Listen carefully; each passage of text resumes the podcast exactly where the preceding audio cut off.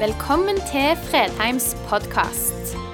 For mer informasjon og ressurser, besøk oss på fredheimarena.no, eller finn oss på Facebook.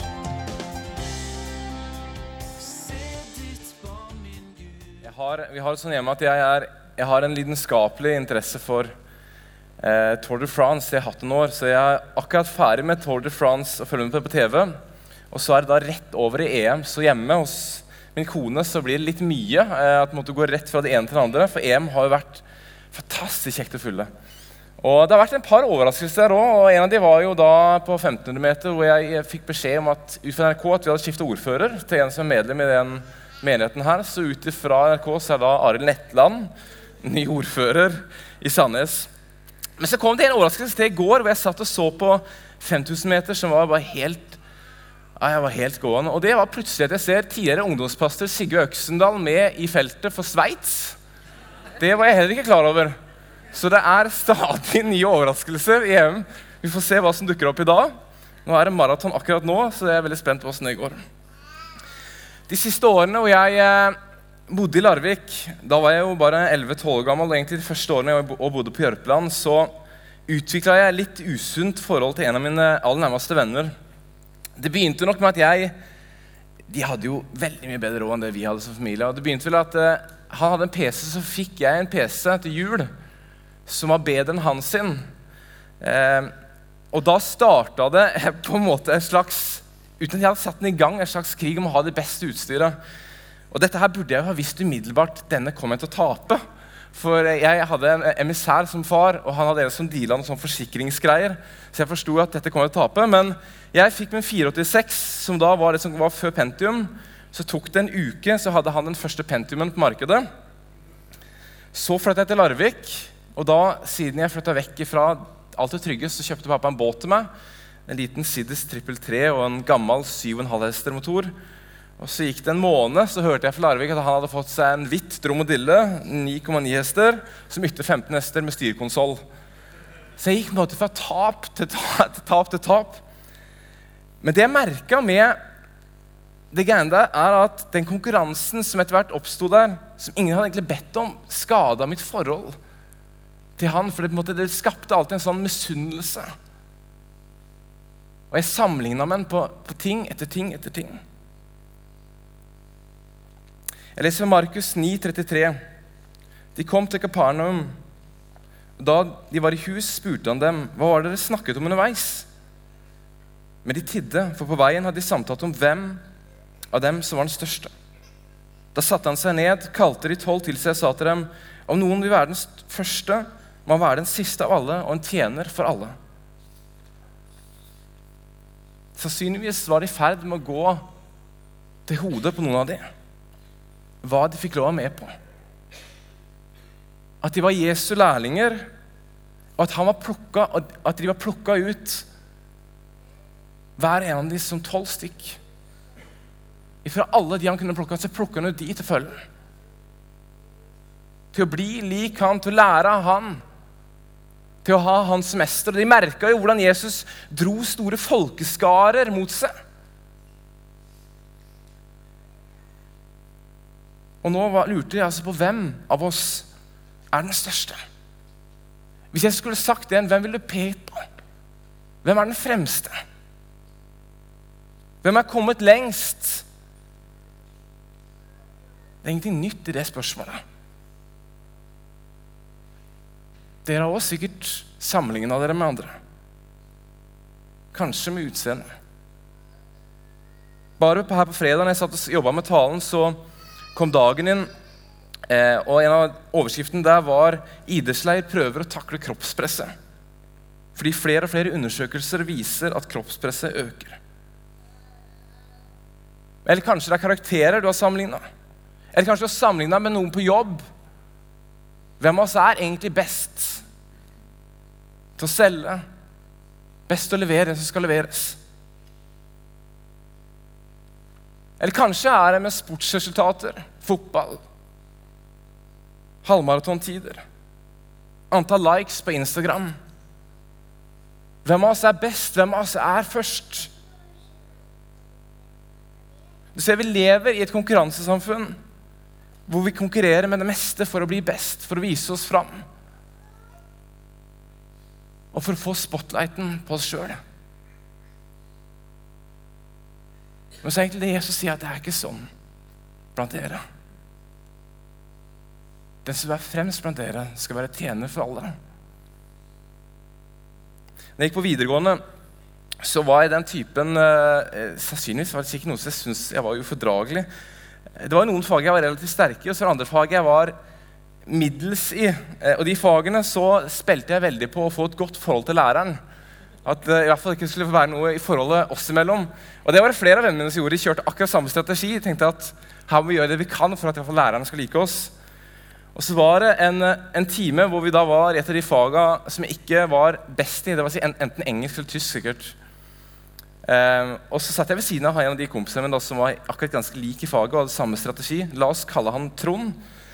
Um, og så husker jeg ikke hva læreren lurte på, men han kom bort og så dro jeg en eller annen spøk eh, i den timen om at, uh, nei, som jeg visste læreren ville ta, om at nei, Trond han har, vært, han har vært ute og brukt ulovlige rusmidler i helga.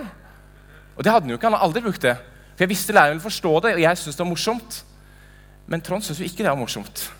For han hadde da brukt to år på å få et plettfri trynefaktor hos den læreren. Og nå var jeg i ferd med å lage riper. Store riper i det. Og det ble dårlig stemning, men jeg klarte å redde det. En konflikt oppstår også i disippelflokken.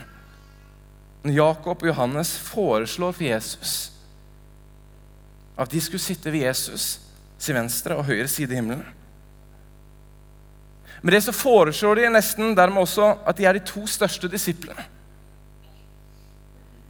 Og så står det at de andre disiplene ble sinte på dem da de hørte det. Det brygget til konflikt, og Jesus sa Dette er Matteus 10, 42 og nedover. Dere vet at de som blir regnet som fyrster og folkene, undertrykker dem, og stormenn deres styrer med hard hånd. Men slik skal det ikke være blant dere. Den som vil være stor blant dere, skal være deres tjener. Og den som vil være først blant dere, skal være alles slave. For heller ikke menneskesønnen er kommet for å la seg tjene, men for å selv tjene og gi sitt liv som løsepenge for mange. Det som egentlig skjer da, er at Jesus introduserer disiplene for en ny virkelighet. Han snur bildet talt mynten. Det er som han sier, det er muligens slik i verden sine øyne men slik er det ikke her. Det er kanskje på samme måte som de spør Jesus hvem de skal betale skatt til, og han sier hvem er det bilde av? Eller om de skal betale skatt til keiseren, så spør Jesus hvem er det bilde av? Keiseren? Ja, så gi keiseren hva som er keiserens sitt. Og gi til Gud det som er Guds sitt. Jesus setter på mange måter opp et skarpt skille mellom det som tilhører denne verden, og denne verdens måte å styre på og det som tilhører Gud. Men faktum er likevel at når vi blir kristne, når vi bestemmer oss for å følge Jesus med hensikt om å bli lik, så oppstår det noe nytt ved oss. Vi er ikke lenger bare en borger av jorden. Men ut fra det Paulus sier i Filippbrev 3, så har vi vår borgerrett i himmelen. Og derfor venter vi Frelseren Herren Jesus Kristus. Og vår borgerrett i himmelen forandrer også de prioriteringene vi gjør her nede. De forandrer idealene vi lever etter, og de målene vi setter. Dere vet at de som beregnes som fyrster over folkene, undertrykker dem. Og stormenn deres styrer med hard hånd men slik er det ikke blant dere. Den som vil være stor blant dere, skal være deres tjener. Og den som vil være den første, skal være alles slave. Det blir snudd opp ned.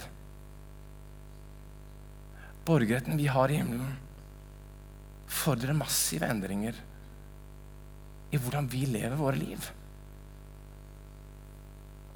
Ut fra et rent menneskes synspunkt så kommer det der konkurranseinstinktet på alle områder i livet hvis vi alltid skal konkurrere. Alltid se hva de andre har, for å se om vi har like bra. Til å slite oss ut. Jeg heiv inn håndkle i Larvik etter den greien der. Jeg så at jeg har ikke kjangs. Men jeg har startet opp mange områder etter den tid. Problemet er likevel hva det gjør med forholdet mitt til andre mennesker.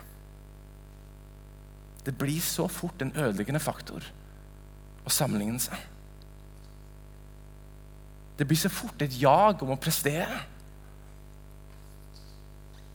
Og Istedenfor å se hva Gud har gitt meg og lagt ned i meg, så ser jeg bare etter hva har Gud lagt mer ned i alle de andre. Og så glemmer jeg å se hva han har velsigna meg med i mitt liv. Hva han har utrusta meg med. Jeg vet det sannsynligvis berører sikkert et punkt i livet deres òg. Dere kjenner sikkert til det. Og sammenligner dere på ulike områder som ikke alltid er like bra. Og det kommer til å slite oss ut. Hvis vi ikke sier at nok er nok, og begynner å se Gud, hva har du lagt ned i mitt liv? Hvilke talenter har du gitt meg som jeg kan bruke? Uten å måtte være bedre på alle de andre tinga.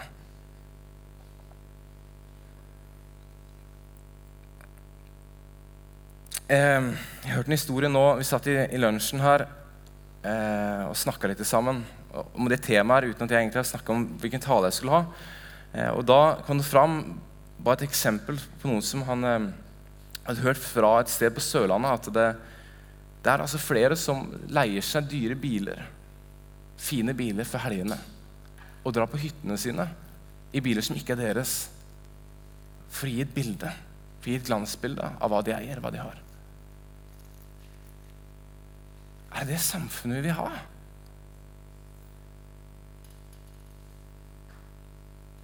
Det sliter oss ut.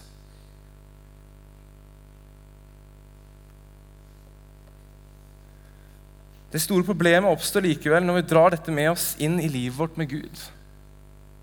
Inn i menigheten. Jesus sa jo 'slik er det ikke blant dere'. Når vi faktisk gjør som disiplene og vurderer vår egen åndelighet, vår egen tro opp mot andre sin tro Når vi gjør det til en konkurranse om å være det mest betydningsfulle i himmelriket Når vi gjør noen nådegaver større enn andre nådegaver Noen tjenester større enn andre tjenester Fremover noen og dekker over andre. Du må forstå det. Vi er alle uvurderlige for Gud.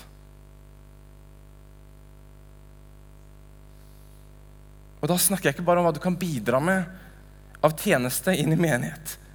Men den du er, er helt unik.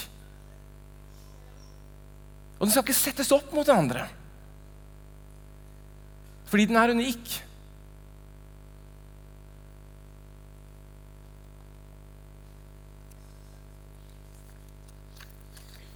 Du trenger ikke å fremheve deg sjøl. Gud vil fremheve det.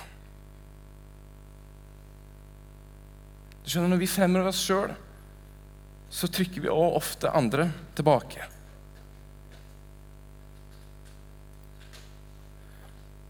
Og det sto den som vil bli stor blant dere, skal være deres tjener, og den som vil være først blant dere, skal være alles slave.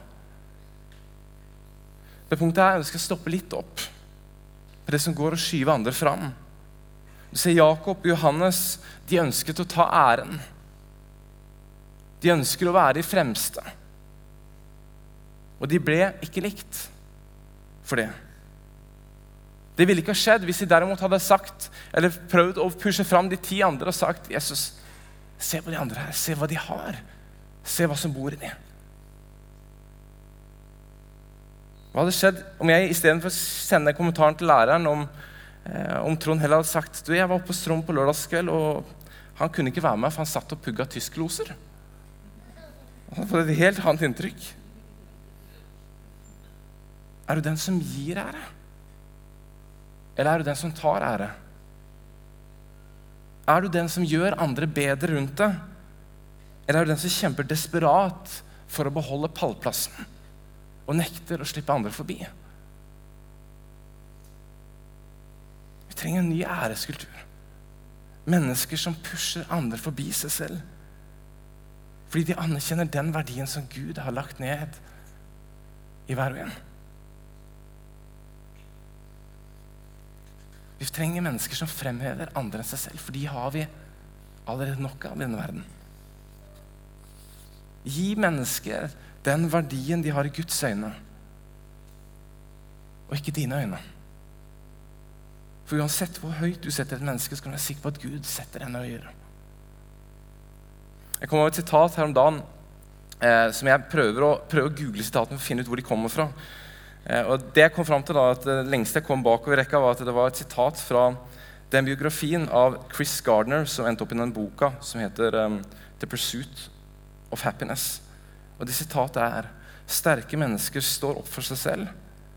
Sterkere mennesker står opp for andre. For en del mennesker kunne jeg stoppet her. Men så lever vi fortsatt i en kultur i vårt land som forteller at du skal ikke tro du er noe. Og En del føler sikkert at noe av det jeg har bygget opp under her nå, er nettopp det. Du skal ikke tro du er noe. Så la meg være tydelig. Du skal tro du er noe. Fordi du er noe. Jeg sa i stad at du skulle gi menneskene den verdien de har i Guds øyne. Start med deg sjøl. Det starter med deg. Våg å gi deg den verdien som Gud har gitt deg. Det han ser når han ser på deg. Du ser det er to fallgruver. Den ene er å fremheve seg selv og faktisk skape tapere. Men så eksisterer ikke tapere i himmelriket. Den andre er å ikke gjøre noe som helst, for du tenker at alle andre er bedre enn meg. Jeg kan vel sikkert ikke bidra med noe som helst. Ingen kan erstatte din plass. Det Gud har lagt ned i ditt liv. Han har lagt det ned der av en grunn. Og han mener at det er bra. Hvis du avskriver den verdien du har til å gjøre en forskjell, eller slutter å bruke den Kanskje er det fordi du er usikker på kan det egentlig bety en forskjell. Kanskje er det fordi du er i ferd med å trekke deg vekk fra alt som med kirken å gjøre. Eller kanskje er det helt andre grunner. Så avskriver du en verdi som Gud har lagt ned i deg. Som kan ha enorm betydning for ditt liv og for andre menneskers liv rundt deg. Selv om jeg gjør det igjen og igjen og igjen, så er jeg enig med de som sier jeg har ikke råd til å tenke en tanke om meg selv som ikke Gud tenker om meg. Men jeg tar meg og gjør det igjen og igjen og igjen. Kanskje er det fordi det ikke alltid er så lett å sortere tankene. Gud, hva sier du egentlig om meg? Eller kanskje er det fordi de fleste stemmene jeg hører som forteller meg hvem jeg er, ikke er fra Gud, for jeg bruker mer tid på andre ting enn å søke hva faktisk Han sier om meg. Om den jeg er. Men vi blir bedre på det. Gjennom å bli kjent med den, bruke tid med den, lese om hva han gjorde, og hva han sa og søke ham i bønn og lovsang. Husk at når han plukket ut disse disiplene, så nå gikk og diskuterte hvem av som var den største, den fremste. Når han plukka de ut, så var det mildt satt en, en broket gjeng. De hadde ikke forventa å bli plukka ut. Det var ingen grunn til at de skulle bli plukka ut. De hadde ikke spesielt mye å vise til. Men han plukket de ut likevel. Fordi han visste hvilken verdi de hadde. Han visste hva han så i dem. Han visste hva Gud hadde utrusta dem med. Og denne gjengen, folkens, var med å forvandle verdenshistorien.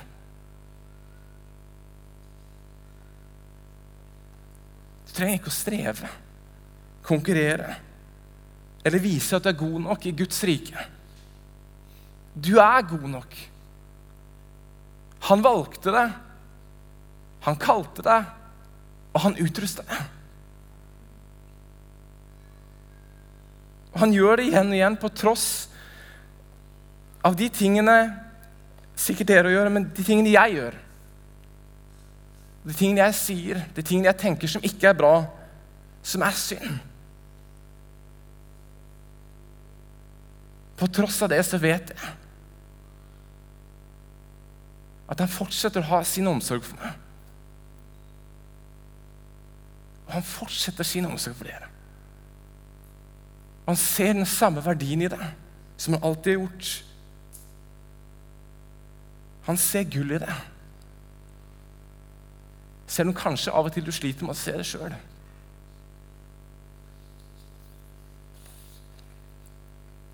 Å ikke fremheve seg selv handler ikke om å nekte for at du gjør noe godt.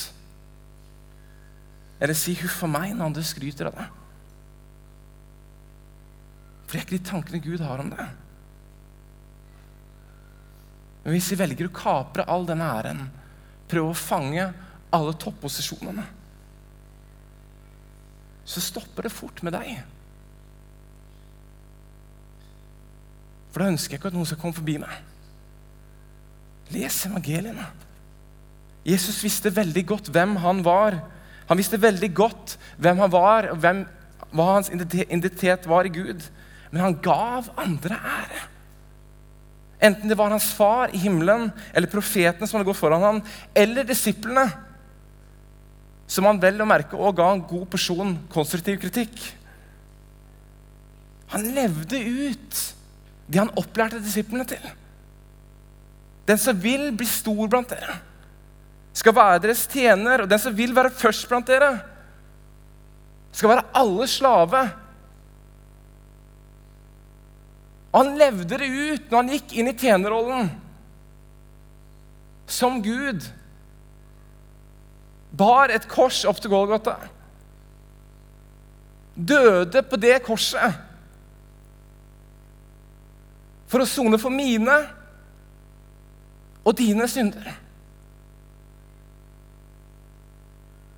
Han visste hva han snakka om, for han levde det ut sjøl.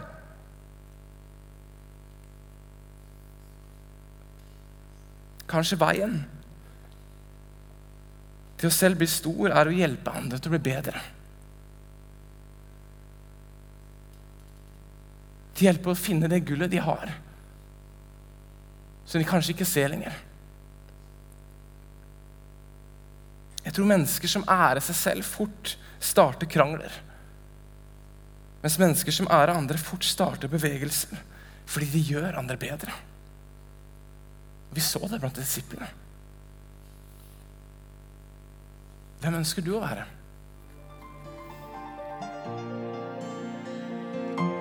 Takk for at du valgte å høre på. Nye opptak legges ut hver uke. Vi har gudstjenester hver helg, og du er hjertelig velkommen.